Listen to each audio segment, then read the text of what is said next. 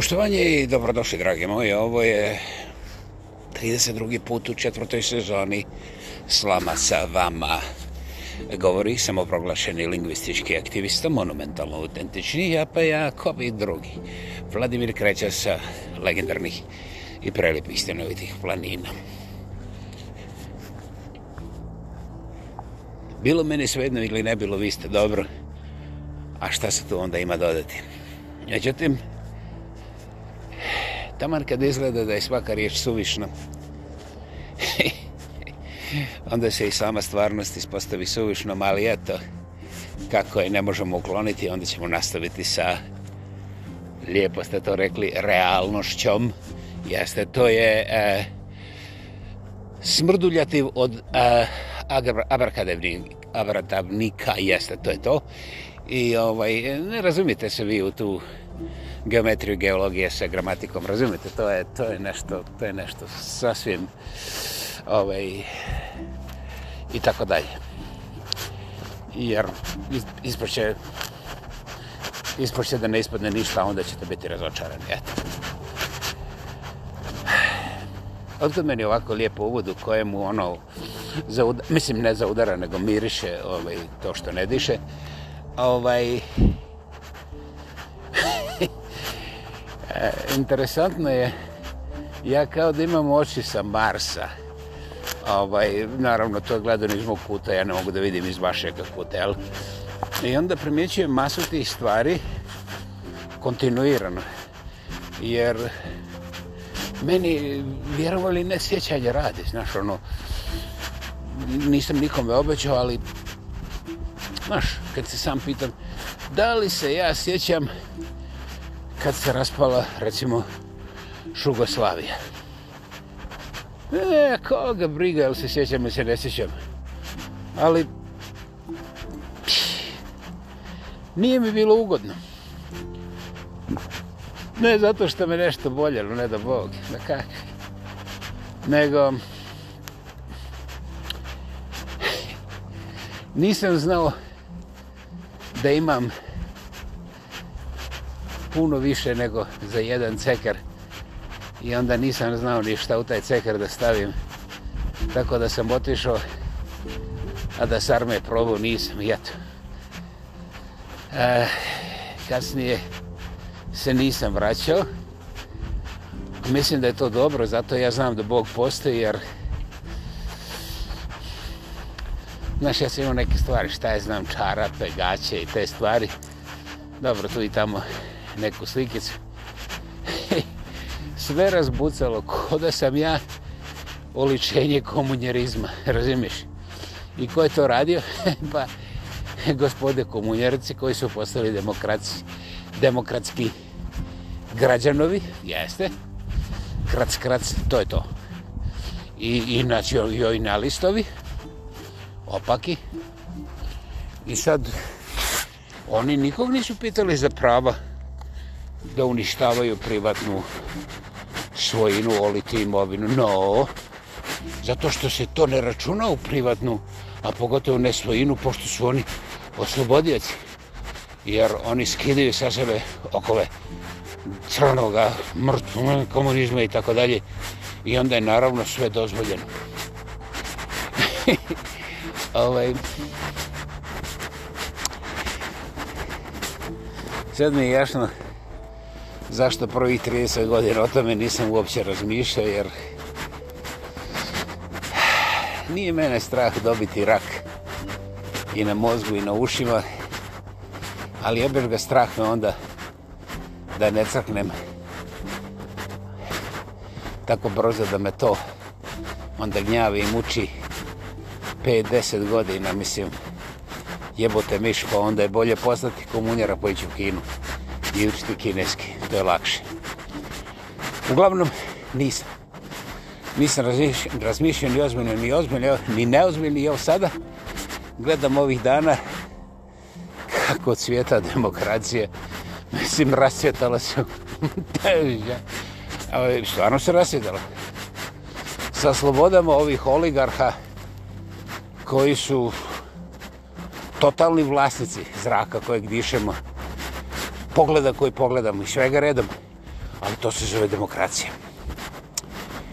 I onda ovaj, za ovaj naš 32. podcast ja sam odlučio bez izlušenja na referendum, dum, dum, da vas pitam, pa pizdali mu materi, rasjećali li se iko vremena komunizma?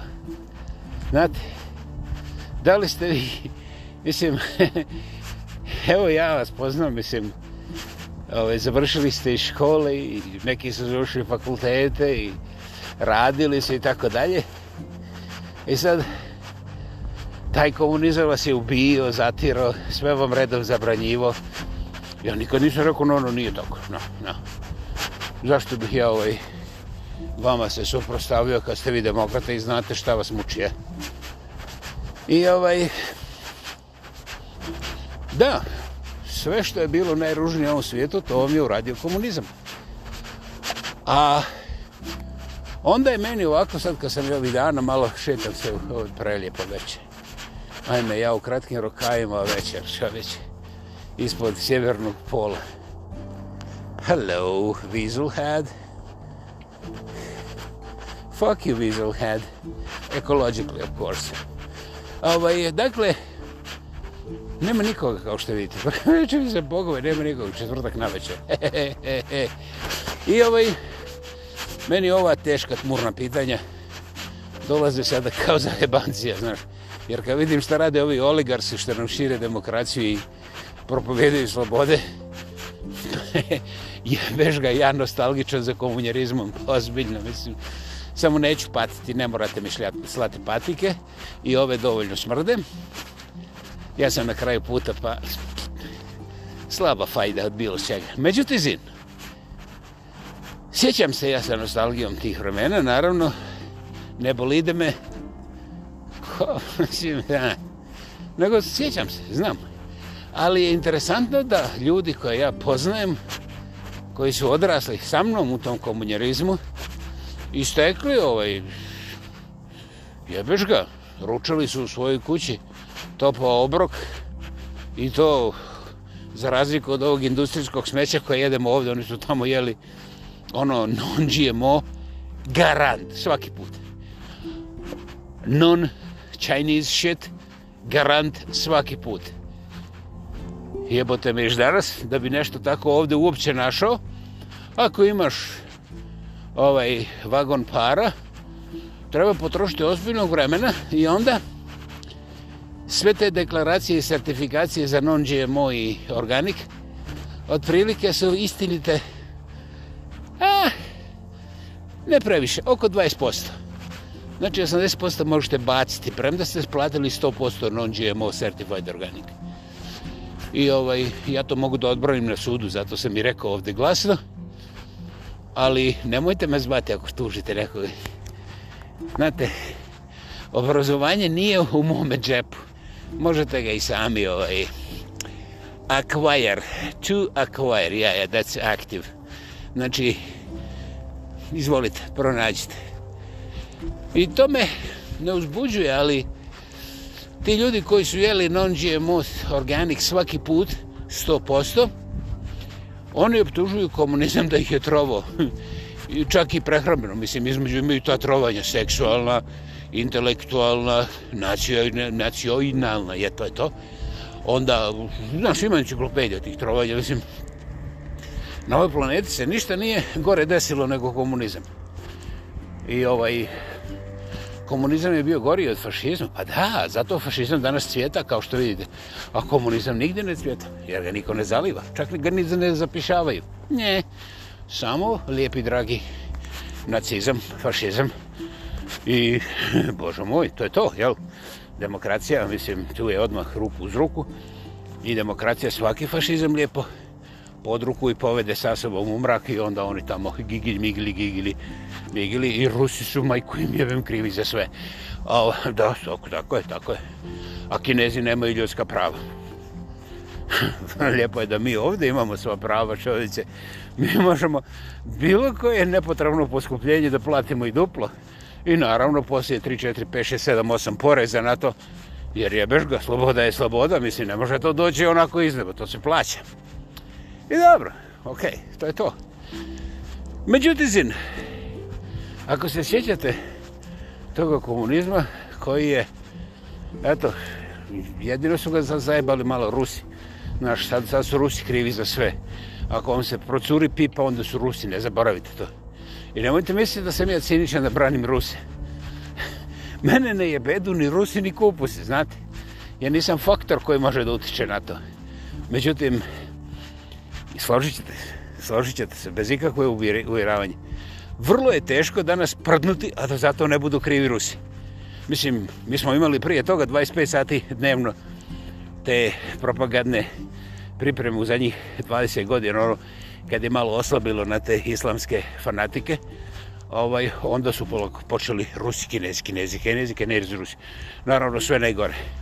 Istovremeno, naravno, ovdje ti kažu, hej ti uvozni majmune, mi smo uvijek pozitivni, ne možete biti negativni, svaki put pozitivni, svaki put nasmiješan.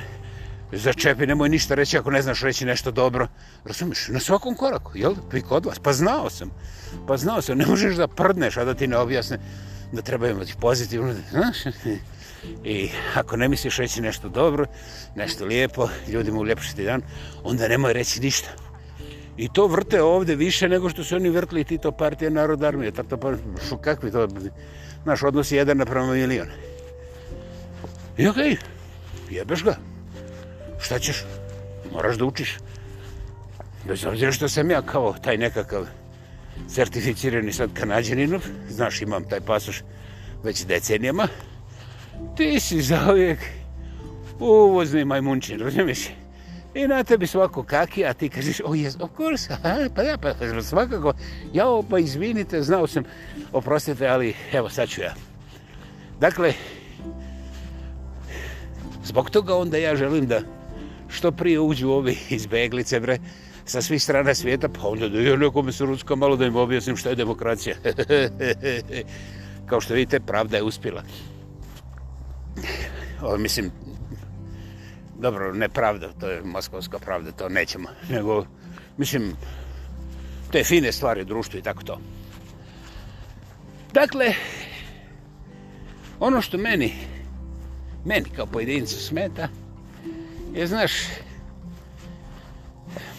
to sam već objasnio. Prepun mi je pimpak tih Rusa i Kineza. Znaš, ako su oni tako nesposobni, životinski i primitivni, pa zašto onda ne primjenimo ono pravilo gdje ti karnađe na svakom koraku? Kažu, nemoj ništa reći ako ne možeš reći nešto lijepo. Razumiš? Ili, ili sam ja propustio da shvatim da je za kanadjane i amerikancave najljepša stvar da tancaju i kake kako su kinezi glupi, rusi nesposobni, kinezi su nesposobni, rusi bezvezni, rusi glupi, kinezi kreteni, nemaju ljudskih prava, ubijaju svoje građane, razumiješ i onda naravno uvozi što više od njih. Evo Amerika i danas, ja ne znam koliko stotina miliona troši na ruska goriva, A, ne mislim samo na ona nuklear, ima, ima na ona druga, ali nećemo. Zašto? Zato što ta druga uzi odavde, a onda iz ove druge ruke prode Evropi po 5, 6 do 7 puta većim cijenama. I ako to kažeš, onda nisi demokrata, razumiješ, onda si Putinov neki tamo doušnik. A zašto bi Putin trebao doušnika na divljom zapadu, recimo u meni koji nema veze, nisam čima... To nije važno, važno je da se ja proglasim, da mi se da naljepnica, znaš da ja budem kao židov u onom poljskom getu, da dobijem žutu zvijezdu na čelo. Putinu dole. Putin. Eto vidite, toliko smo mi odmakli od drugog svjetskog rata, mislim. To je veliki korak ovaj, za Bajaderu. A, sasvim maleno govanca za mene, jer na kraju života zavole me koju naljepnicu će da mi lepe, razumijete? jer meni drago kad bilo šta može da mi stane. Znaš, bilo šta, već sve je opalo, pa ajde, da nešto stane.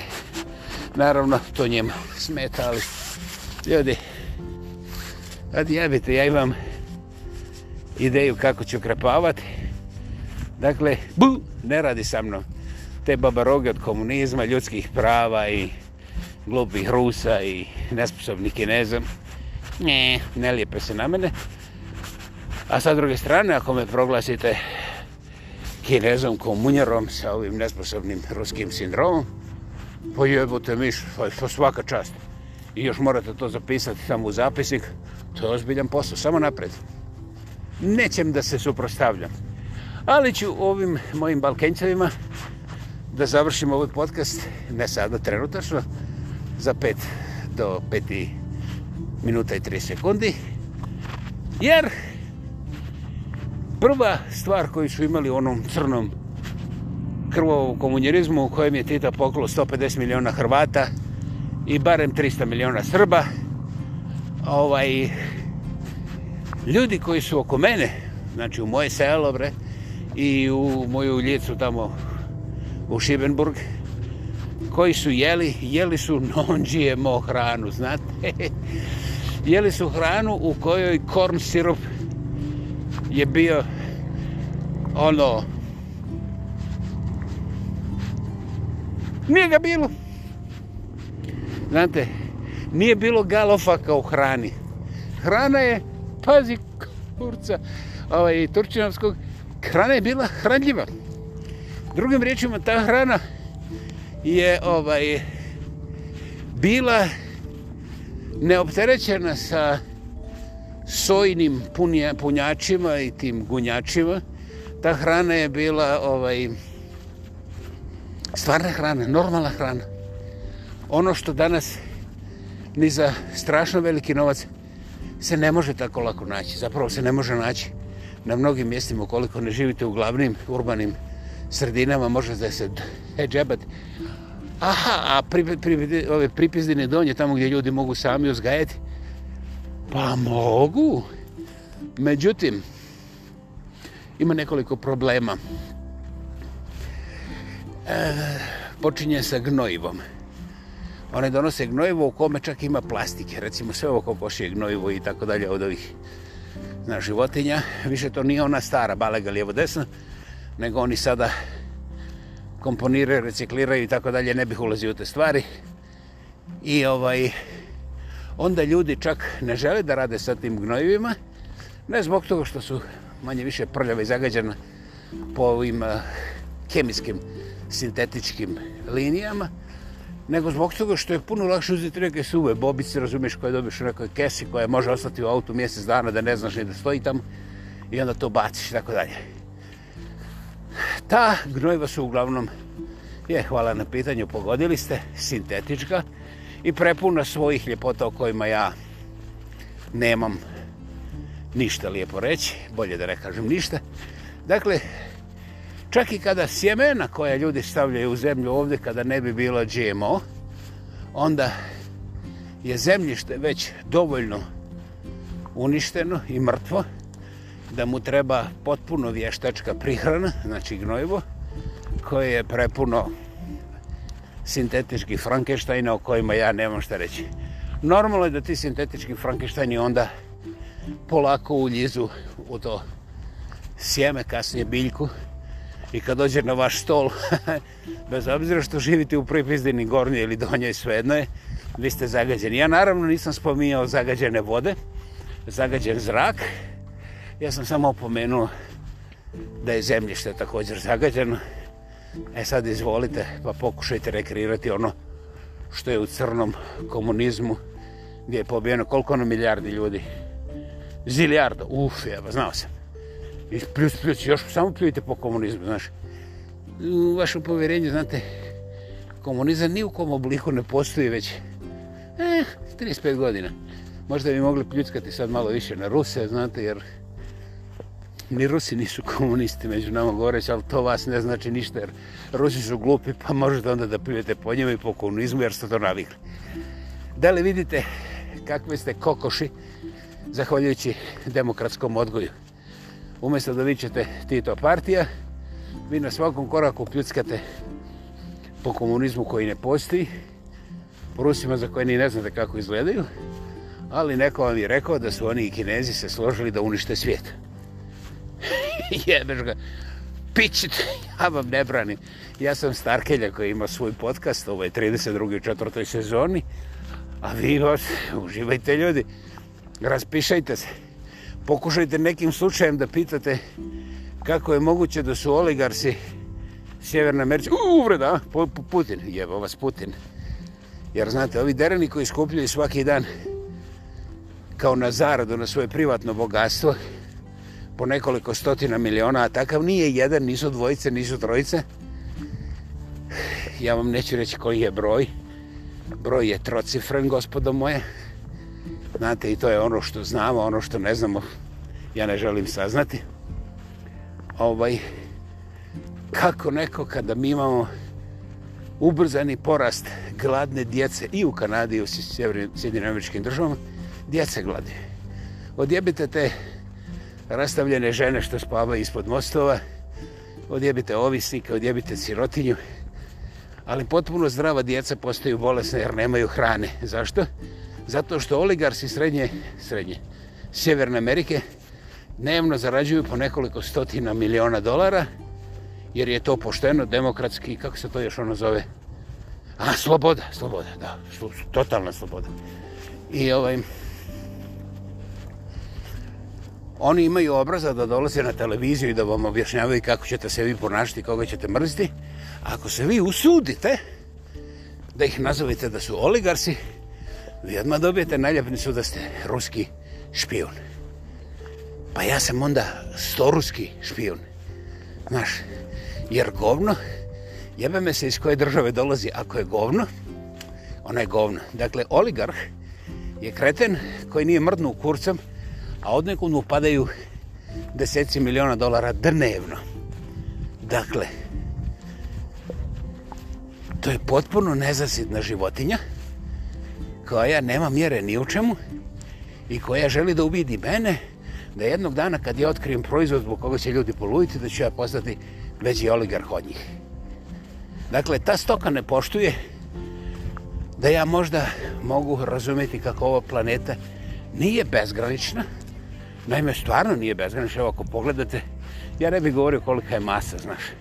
Ali ako ideš okolo ekvatora, kad pođeš sa mjesta A i vratiš se sa tog okolo, onda možda shvatiš zemlja je okrugla, ali jebi ga tu ekvator ne možeš da produžiš na 45.000 km. Znaš, ne može biti 50.000. Kako god na tezo neće biti. Drugim rječima, ako je zemlja ograničen izvor, bilo kojega stokizma, pa čak i ovog oligarhovskog, onda je nemoguće da svi budemo oligarci. Jedna od prvih kritika komunizma je bila da nikada nećemo svi imati Mercedese, jer bez obzira koliko te proizvodne snage porastu, nemoguće je stalno proizvoditi Mercedese zbog masu razloga koji nemaju veze sa ideologijom, niti sa tehnološkim kapacitetima, niti sa novcem novac je onako izmišljena kategorija. Nego, naš, te čelične konzerve trebaju negdje stajati. I onda kad napraviš 2 miliona Mercedesa u Pronjavoru, nema više mjesta ni za jednu travku. Pronjavor je ostao gladan. Nema gdje da posadi ni kupus, ni papriku. Završeno. Ljudi su gladni jer imaju viška Mercedesa. Brutalni primjer koji se niko ne usudio reći jer to bi uvredilo ideju o, o komunizmu. Danas taj isti smrdljizam ugrožava naše demokratske oligarhe, jer oligarski su oni tamo koji kupuju one jahte po njemačkim, italijanskim, britanskim ovim brodogradilištima. Razumiješ?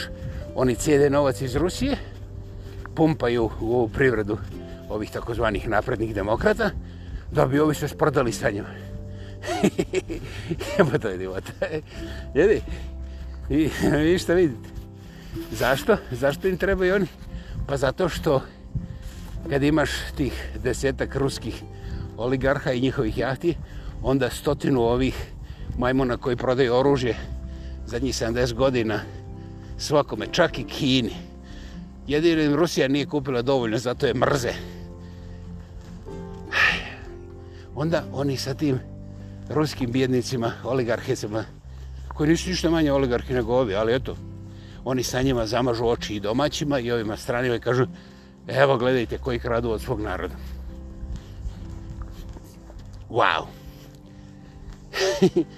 ono što je zanimljivo, ovaj, prije nekoliko mjeseci čak i sam Gosan Krutin je zahvalio Americi što je ovaj tako žestoko sankcionirala ruske oligarhe, jer to je zaustavilo krađu i odliv ruskog rada i novca iz Rusije. Dobro ste me čuli. I to nije zaustavilo tamo nekih 100, 200, 300 dolara. Radi se o trilionima dolara. I ovaj, zbog toga su sankcije bile popušene na finta već onog momenta kad su potpisane, kad su ustanovljene, znaš, tu su Amerikanci upucali sebe ovaj, jer da su taj dio ostavili netaknutim, onda bi Amerika nevjerovatno obogatila, jer ovi oligarhi nemaju problem da prenosu sav novac koji mogu i ovaj onda BRICS ne bi imao dovoljno mase financijske ovaj, da bude tako ubjedljiv i da tako brzo preuzme i moralnu, ali i financijsku dominaciju koja je još uvijek naravno u procesu stvaranja, ali da nisu Amerikanci tako primitivno i tuntlovo primijenili sankcije, ovaj proces ojačavanja BRICS-a bi trajao minimalno 10 godina duže, možda čak i više. Eto. Naravno, oni to nikad neće priznati jer oni su blabla truć, mislim, ja ne znam više, ni pijani ne slušaju Amerikanci jer to je ne samo šupalj, nego za udarajući leš koji se raspada. I to sa namjerom. Oni su igrali poker zadnjih 200 godina, pa su uvjereni, znaš, da niko ništa ne zna, da su svi glupi i kad im pokažeš guzicu od neke nove Marilyn Monroe i kad pokažeš šta je znam kako Britney Spears did it again, znaš, ljudi će poluditi, ljudi, oni nikad ne mogu da shvate da jednog pakistanca ne mogu više navozati na nekakav tamo našminkani šupak zbog toga što ti derani imaju svoje djevice koje ih čekaju nebesima i one su neuporedivo ljepše od bilo koje projekcije koju može ostvariti Hollywood. dakle, taj trik je se hranio Amerikanci. Interesantno da oni vjeruju svoje vlastite trikove čak i iz svoga groba, što je ipak znak da su brutalni, primitivni i krvnici. Amerika je učinila nekoliko dobrih koraka, ali sve to je posralo svojim vlastitim aktivnostima. Evo, recimo, ja sam naveo samo tu sitnicu iz ovih sankcija koje su besmislene. Recimo, sankcije Kubi koje su ušle u sedmu deceniju To dokazuje da Amerika nema ideje. Amerika vjeruje da ima veliku batinu, a u stvari još u drugom svjetskom ratu svi su vidjeli da je Amerika impotentna, ali jebeš ga, niko nije imao kadilak naglancan naš od Hollywooda pa da ide okolo da prikazuje čuda kojima je ljudima malo olakšano to sivo vrijeme nakon drugog svjetskog rata. Sada je to lešina koja još uvijek ne samo da zaudara, nego je otrovna i još uvijek može biti masno destruktivna, što je okej, okay, jer prije proljeća se uvijek desi nevjerovatan destruktivan požar u ovim prerijama, ne samo ovdje na Sjevernoj Americi, nego dobro u Južnoj, u Pampasima, Ljanosima. I upravo taj katastrofalni požar koji sve sprži do zemlje, već poslije prve kiše probudi život. Dolaze druge biljke. Ameriko, demokraciju, dolaze druge biljke. Ono što je ovdje zapamtiti i naglasiti važno nisu samo ti jadni Amerikanci, fuj, fuj, fuj Rusi, fuj, fuj, fuj Kinezi, ja, ja, to mora biti tako. Viš kako se ja naučio svoj, ja sam aparatčik. Ti nezasiti oligarhi, Eh, Sjeverne Amerike su um, možda, možda, možda imali kompas, to je veliko, možda nećemo to elaborirati, ali danas ga nemaju sigurno i to su u stvari jadnici koji mogu samo da gledaju na svoje milijarde, jer u svemu drugom su impotentni i recimo ako bih htio da zamišljam nekakav Frankensteinovski kraj za sebe, neki užas koji se ne da opisati. To je upravo ono što su oni priredili svoje djeci. I to nije prijetnja, to je realnost svih ovih dinamika. I tu ja nemam šta reći. Međutim, crni vlesevi komunizam, tako da je bivšo jugi i tako dalje, vi koji ste proživjeli, razočarali ste me, tako nezahvalni, tako, tako truli da je nevjerovatno za koliko sitno vas se može kupiti, nemate karaktera. To neće reći da ja kažem da je komunizam bio bolji nego što vi govorite ili gori. To me ne zanima. Uh, vi ste potrošili previše vremena pljujući prema nečemu, po nečemu što vam je dalo život. Ne zaboravite da ste rođeni i odrasli. Ne zaboravite, ne zaboravite da ste zahvaljujući tome Titovom komunizmu izbjegli da vas guze uh, Arijevci, više rase. Upravo zahvaljujući tom titu i tom šugovom komunizmu vi niste postali, postali Arijevske čistačice i treće razredni građani ili to razredni seljakovi ili možda samo prinudni rad po potrebi kako ko. To je stvar kojim ste kreirali svoje vlastito prokletstvo, ne samo duhovno, nego kao nasljeđe za vaše vlastite generacije koje će doći. Sasvim je sve jedno gdje vi ideološki pripadate. Točka broj 2. Prljavi ste. Njakali ste kako je komunizam, opet govorimo o Jugoslavijskom, zabranio religiju, kako je izbrisao Boga, kako je kako su ljudi završavali po logorima ako odu u crku ili u džamiju. I tako redom. Ja se nikad nisam suprostavio kad sam slušao te balege okolo, a vi koji ovo slušate također znate šta sam čuo i od vas. Dakle, jebe me se za istinu.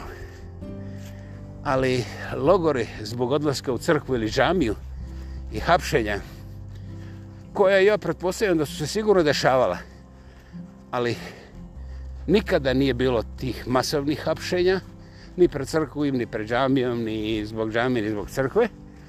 I to odgovorno tvrdim. A još je malo bil, manje bilo tih logora za vjernike, koji su bili na nekim pustim mjestima gdje su ljudi umirali bez vode i tako dalje. Za takve izmišljotine gorit ćete u paklu i to upravo onom paklu u koji nikad niste vjerovali. Jer vi ste lagali sve što vam je koristilo da imate neku dnevnu prednost od dva koraka ispred ovih drugih lažova. Hej, izvolite, ja ne spominjem vašu dušu. Ljudi koji ovako lažu nemaju duše. I zato, ja koji umirem možda večeras, možda sutra, ja ne znam tačno, ja sam sretan, a vi ćete uvijek biti nesrećni na svakom sljedećem koraku, jer ste lažovi, jer nemate ni dušu, ne znate gdje pripadate.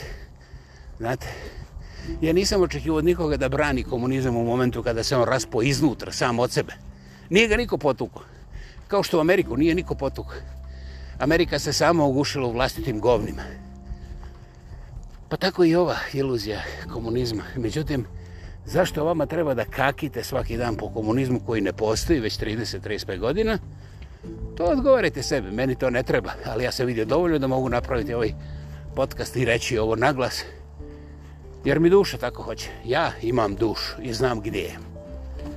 Dakle, iako već govorimo o toj religiji, Bogu i tako dalje, pa da ste ikada poštovali bilo koju vrstu Boga, onda sebi ne bi dozvolili čak ne da pomislite, a kamoli da laprdate gluposti i provoljotine za koje u početku, prije nego što ih izustite, znate, znate da su neistina.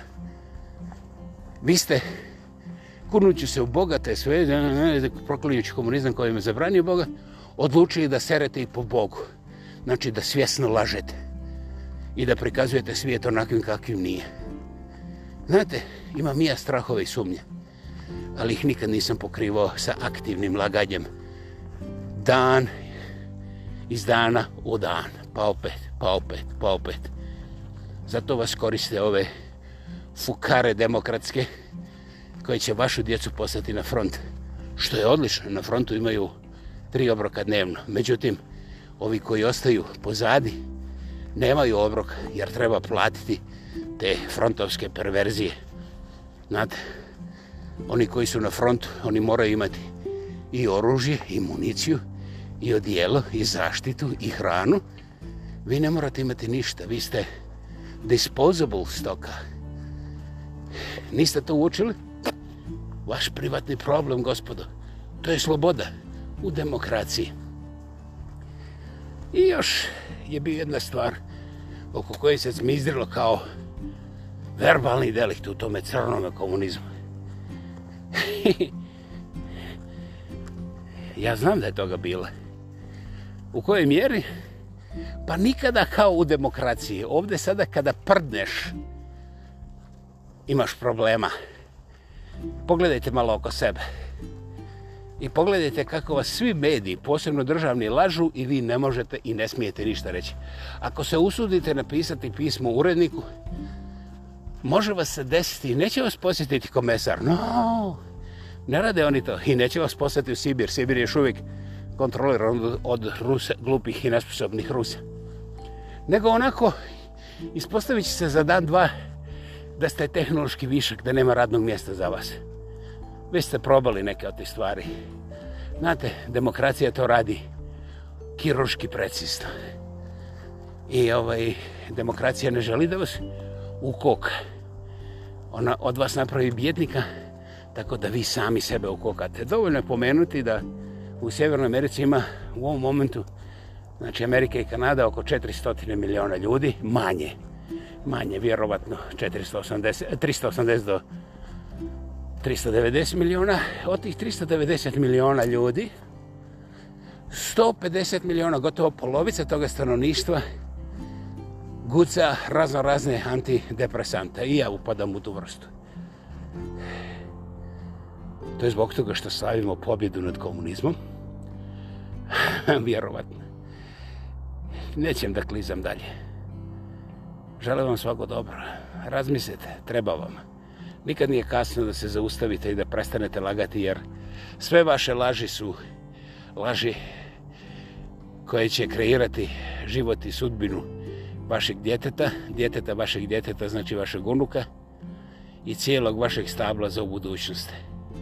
Krajnje vrijeme da prestanete udovoljavati nasilni, nasilnicima, oligarsima i glasnoj i uglancanoj štampi, televiziji i internetu. Jedini koji može donijeti odluku i izvršiti to je ti, dragi moj četovce. Znači ja koji ko to govorim, očekivati da će to raditi neka politička njuška za vas i u vašem interesu, bez obzira da li dolazi slijeva, desna, centra i ovom i onom, to su sve šarene laže, bile i ostale. Sramotno je da imate 50 ili više godina, a da to niste primijetili. Tragično je da niste učinili ništa da to promijenite. Ne treba vam revolucija. Zavirite u svoje ogledalo i onda u svoje srce. Potražite svoju dušu. Zato vam ne treba revolucija ničija pomoć. Doslovce, ako je ne možete naći, i to je također informacija. Međutim, o tome nekom drugom zgodom. Živi, zdravi, bili, gdje god se nalazili, neka vas prati blagoslov, zdravlje, sreće i uspjeh. A mi ćemo nastaviti ovdje dok nas godne uklone. Dakle, bilo je ovo 32. put u svojoj četvrtoj sezoni.